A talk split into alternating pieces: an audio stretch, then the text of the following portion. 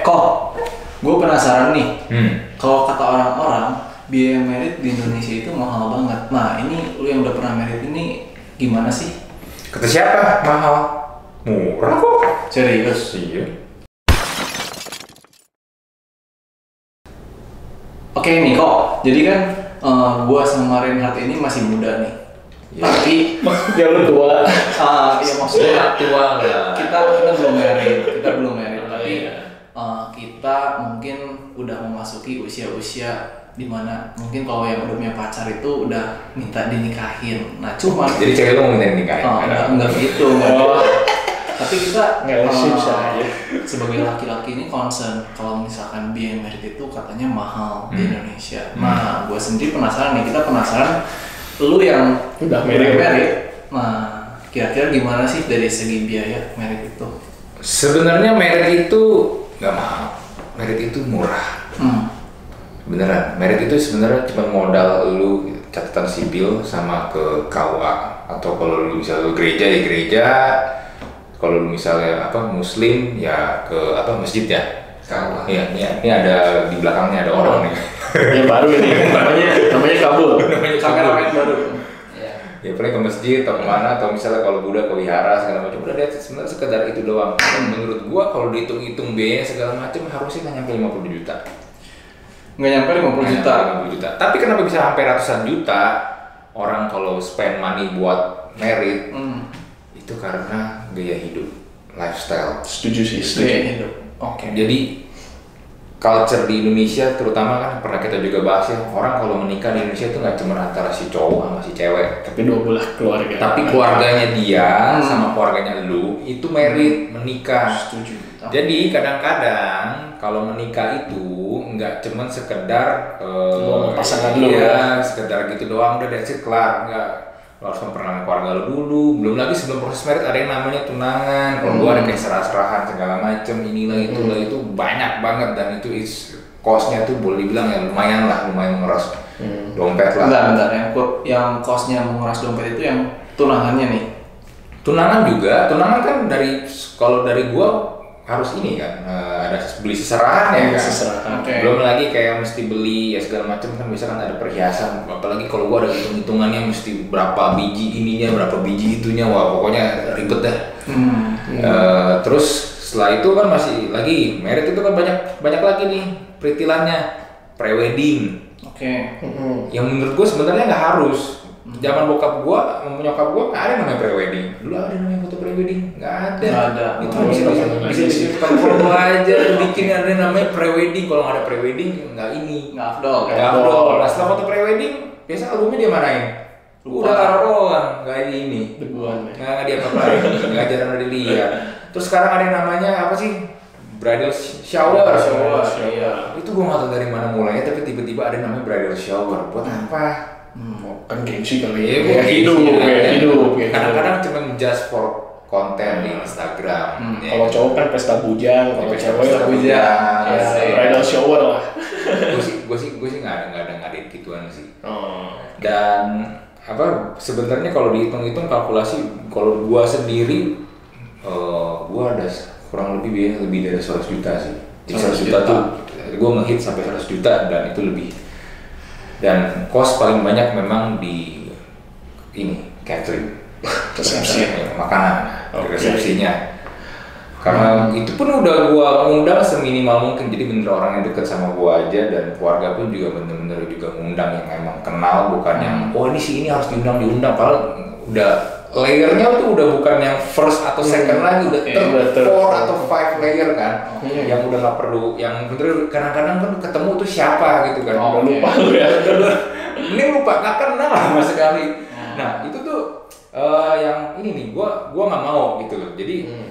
gua mengkat pokoknya yang paling paling jauh tuh second layer lah Hmm. second layer dalam dalam dalam apa eh, dalam diri gua Hmm. udah that's it gua gua nggak mau lebih jadi gua waktu itu undangan 200 200 jadi kurang lebih yang datang datang 400 Oke. Sama Sama pasangan pasangan. Sama sama pasangan. ya karena kalau lu ngundang itu lu harus berpikirnya lu akan kali dua karena Hmm. kenapa biasa dia bawa pasangan kalau dia udah punya pasangan nggak ada pasangan tuh kadang-kadang nih bawa gebetan atau gimana Hmm.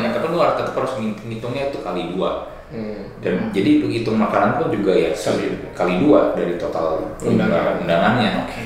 Nah itu pokoknya eh, dan belum lagi nih eh, biasanya tuh suka ada drama-drama eh, entah dari orang tua lu, orang tua cewek lu atau mungkin saudara-saudaranya atau siapa tuh yang tiba-tiba mau ikut campur, Hmm. ikut campur. Eh ini harusnya begini, ini Oke. harusnya begini sih, ini harusnya begini, gini. ini di sini di sini pokoknya eh, ini dah mau Ngurus baju yang itu Iya, keluarga. in- inter- intervensi berusaha mencoba intervensi berusaha eksis Seru karena seru kali ngurus ini itu. Tapi kadang-kadang nyebelin karena ini kita kan mau nikah siapa? Yang mau nikah siapa kan? Maksudnya kan kayak gua, gua, gua, gua udah ngatur segala macam. Gua pun pakai ini apa namanya wedding organizer buat bantu kan. Hmm. Eh, jadi menurut gua kalau lu memang nggak punya kepentingan atau keperluan atau yang gimana atau lu nggak membantu, lu nggak ada memberi kontribusi tenaga, pikiran dan duit. Dan Ya, ya be- be- better you shut up. Serius, jadi duduk aja lu ikutin aja ininya, udah kelar tinggal lu makan segala macam. Lu nggak perlu ikut-ikutan yang ikut campur kayak gimana sih kalau menurut gua. Hmm. Karena itu sangat-sangat knowing karena gini loh, lu seharian ya. Gue tuh bangun dari jam kurang lebih jam 3 jam 2 tuh udah bangun, udah harus siap-siap segala macam. Jadi itu bener-bener tidur sangat-sangat kurang dan lu harus seharian sampai malam. Hmm. Itu capek banget serius. Nikah di Indonesia tuh capek banget. Gue atau kalau adat yang lain, dengan adat lain dan culture yang lainnya. Tapi menurut, tapi gue dari gue pribadi, gue yang sesimpel itu aja gue tuh capek banget ngerasa. Dan udah di jam berapa itu bener-bener ya lu orang ketemu orang salaman bener-bener udah cuma faking smile doang. Iya, Gue pengen, iya, gue pengen tidur Kayak gue pengen tidur. tidur, cepetan ngantuk banget gua. Tapi gue gue penasaran nih. Hmm. Kan tadi lu bilang eh, lu ngundang 200 orang itu Hmm. ya kali gua 400 orang berarti kan. Hmm.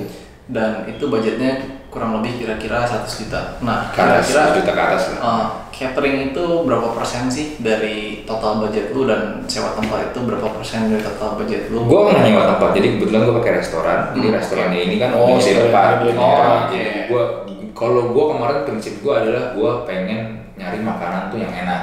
Hmm. Kadang orang nyari tempat doang tuh makanannya nggak kurang enak karena pakai catering lagi rekaman sama rekaman Hmm. sama tuh gedungnya kan. Hmm. Gue nggak. Jadi gue pakai apa namanya eh, yang udah dari restorannya dan memang restorannya kebetulan memang terkenal enak makanannya. Ada salah satu menu andalan dia rusa lada hitam. Rusa pada hitam. Iya. Oh, Oke. Iya, itu Istimewa. itu istimewa. Jadi eh, buat gua ngajiin makanan yang enak itu buat gua tuh itu wajib buat gua. Hmm. Hmm. Nah, jadi eh, boleh dibilang budgetnya tuh untuk makanan segala macam itu boleh dibilang tuh makan 50% dari budget gua sih. 50 persen. Hmm, kurang lebih 50% dan sisanya itu ya gaun lah, foto Hmm. pre-wedding lah, beli cincin segala Oh, macam. oke. Hmm. dan ya dan periklan-periklan yang lain dan undangan kadang-kadang ke ke sana ini ya kayak juga apa souvenir buat ini ke sana emang eh, ya kecil remeh gitu tapi kalau di Kali ini kuantiti lumayan ya. hitung hitung hitung hitung jutaan juga nih keluar duitnya Oh, oke. Jadi ya, eh, ya lumayan lah. Jadi sebenarnya itu sekali sekali lagi sebenarnya budget itu mah tergantung dari kita sih mau nikah murah atau enggak apa Ah, cuman ya gitu kalau di Indonesia kan susahnya memang eh, nikah ya harus begitu. Hmm. nikah ya mereka taunya begitu. Beda mungkin kalau di ini ya di Eropa di Eropa atau mungkin di Amerika mereka kan Oh ya sederhana banget mereka. culture-nya eh, it's very simple kan Kadang undang undang pakai celana pendek loh kalau gue lihat. Ada yang kayak gitu. Undang pun Party. keluarga doang biasa sih. jadi cuman keluarga doang Hmm. kalau di sini memang lebih ribet lah makanya di Indonesia ini adalah salah satu negara yang bisnis eh, weddingnya itu eh, Jauh-jauh. ya, gila kayak wedding exhibition di mana-mana ya kan sering banget ini begini begini begini vendornya di mana-mana banyak banget gitu loh Hmm. nah terus apalagi nih Hmm, oh iya, sama tadi gue kepikiran. Gue mau nanya ini nih. Kalau misalkan gue sering kumpul sama teman-teman gue dan eh, kita ngebahas kayak gini. Kalau misalkan kita mau merit sama pasangan kita, Hmm. itu kira-kira eh, apakah tanggung jawabnya si cowok untuk Atau membiayai semuanya itu? Atau Hmm. bareng-bareng. Atau misalkan bareng-bareng. Nah, itu gimana nih? Mungkin teman-teman Tergantung. tahu. Tergantung dari lu kesepakatannya mau gimana tapi kalau dari gue yang pasti kalau lu emang merit kan lu dari itu orang ketika menikah itu kan udah suatu proses di mana mereka dari seorang ya cowok menjadi seorang pria dewasa kan Betul. Ber- berkomitmen untuk membangun keluarga kan. dan menurut gua ada baiknya lu yang keluar duit Hmm. tapi juga pasangan pun juga boleh keluar duit sama-sama kalau di gua gua sama apa ya sama istri gua juga ya, mereka dia juga ada inilah ada ada apa namanya juga ada andil untuk Hmm, bantu gua hmm, juga hmm. walaupun sebagian besar dari gua Hmm, oke. nah tapi tapi menurut gua ini menurut gua pribadi ya Oke. lu kalau merit jangan nih jangan sampai bokap nyokap lu yang bayarin merit itu semuanya Hmm. Come on man, lu mau merit nih tapi lu mah minta duit mah pak gue mau kawin nih gue mau merit ini Hmm. dong Hmm. Minta duit dong Apalagi yang minjem dulu. itu juga itu juga jangan sampai lu merit minjem Benar, benar. oh merit merit minjem dan kadang-kadang gue pernah baca tuh ada kasus yang orang tuanya yang mau yang bayarin tapi orang tuanya ternyata minjem Oh, oke. jadi- oh itu nggak bijak banget tuh. orang tuanya yang minjem itu jadi akhirnya setelah merit bukannya Utang happy ya? jadi pusing wah ini ternyata banyak ini ini ini, ini yang harus dibayar lagi Demi gengsi itu. Yes, banyak kan sih demi gengsi sih. Dan come on man, eh, sebenarnya lu tuh tahu lah kemampuan lu sampai di mana dan menurut gua lu nggak perlu sampai semewah gimana lah ya. Karena yang mewah-mewah itu memang mereka pada dasarnya emang ya emang berduit. Oke. Iya kan, duitnya banyak nggak ada serinya. Iya, iya. Betul betul. ya jadi menurut gua ya kayak lagi eh, cowok boleh kalau emang dia punya kemampuan finansial yang dia bayarin semua atau mau misalnya cowok atau cewek kombin combine it's okay menurut gua tapi kalau udah sampai di titik lu minta orang tua lu yang bayarin. Hmm. ya gimana ya? Kadang-kadang kalau nih lu nih kadang-kadang kadang-kadang konsekuensi gini. Kalau lu minta orang tua lu yang bayarin nih ya eh, jeleknya adalah lu cuma bisa nurut doang. Lu nggak lu kadang kadang atau malah seringnya lu susah untuk menentukan gue mau meritnya kayak begini begini begini, begini. Hmm. karena ya orang tua lu yang keluar duit. Ngikut papa atau mama aja deh. Hmm. dan gue rasa eh, lu nggak nggak akan mau sih gue nggak tahu ya boleh mana tapi buat gue sebagai seorang cowok tuh harga diri gue Hmm. Oke. itu harga diri. Peritnya kita ya. Pride-nya gue sih sebagai seorang cowok memang nggak tahu. Cuman kan sekarang gini banyak, banyak juga yang kayak gitu loh. Eh, temen gue ada yang memang meritnya dibayarin full sama bokap nyokapnya Hmm. ya gue gue nggak bisa bilang ya dia jadi cupu atau gimana tapi ya buat gue sih agak aneh aja. Lu mau merit tapi lu masih tapi gitu. tapi gimana kalau misalkan gini? Kan kadang eh, proses eh, menikah itu Hmm. jadi ketika kita udah nikah itu biasanya itu adalah suatu momen di mana eh, kita benar-benar hidup mandiri di luar eh, lepas dari tanggung jawab orang tua kita tuh Hmm. nah banyak yang beranggapan bahwa eh, ketika kita menikah Hmm. eh, itu tuh kontribusi terakhir orang tua kita untuk ngurusin kita sebagai anaknya jadi mereka tuh mau in charge full untuk mem- membiayai semua uh, biaya-biayanya dan kos-kos lainnya sebagai ya melepas kita lah sama pasangan kita nantinya. Jadi ya mereka bayarin semua gitu. Ada yang punya pemikiran kayak gitu. Gua gua nggak bisa nyalain gua nggak bisa nyalain eh, yang kayak begitu sih. Hmm. tapi ya kalau buat gua gua gua nggak mau. Gua nggak Hmm, mau. Oke buat gua ya udah emang ini gua yang gua yang meret kan mungkin kalau di situ kasusnya bisa jadi mungkin dijodohin Dijodohin. Ah, ya, ada kayak gitu kan. jangan gitu yang bayar Iya tadi masih ada aja dijodohin udah kamu ini aja udah cocok gini gini nah, papa, papa bayarin dia ke ini deh meritnya segala macam ada ada yang kayak gitu jadi dia cuma benar cuma benar cuma terima beres doang udah that's it Hmm. dijodohinnya dengan motif apa ada motif di belakangnya nggak Ah, macam ya, macam lah.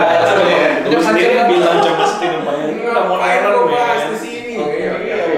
Lu ada yang mau nanya nggak? Lu mungkin kan lu yang pacaran udah lama Ini kan? nih, nih, nih, nih banyak nanya dari tadi soalnya dia lagi wah ngebet banget sih Tapi kayaknya. kan lu Enggak, lu gua yang- nggak pacaran, pacaran udah lama. Iya sih gue udah tujuh tahun, cuman ya nanti lah cewek cewek gue juga belum nuntut gimana.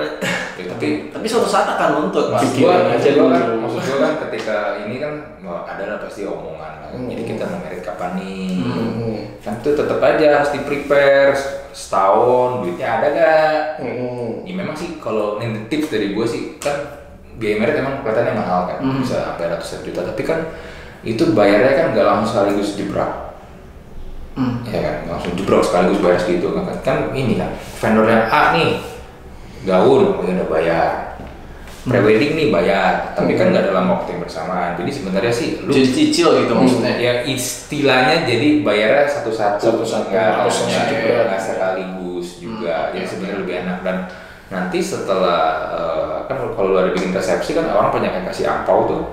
Lumayan juga tuh. Eh, emang nggak akan nutup semua ini, ini apa eh, biaya lu. Tapi biasanya sih biasanya ya biasanya ini juga tergantung yang lu undang sih sebenarnya. Cuma biasanya sih bisa nutupin biaya eh, resepsi lu sih. Resepsi doang. Itu bisa. So buat kalian jangan terlalu khawatir sebenarnya sih. Sebenarnya bisa banget buat di ini. Tapi itu kembali lagi adalah ada gimana? Iya. Lu mampunya seberapa, terus juga ya nggak usah ngikutin kata orang lah. Hmm. Gengsi lu juga inilah boleh lu telan lah sebenarnya. Gengsi lu kasih sambal sama kecap juga nggak bisa lu makan kan? Iya kan? Iya iya. Dan juga ya beban hidup itu gaya hidup sebenarnya murah. Yang mahal tuh gaya hidup. setuju Iya. setuju So kalian lebih suka merit gayanya gimana nih? Share ya.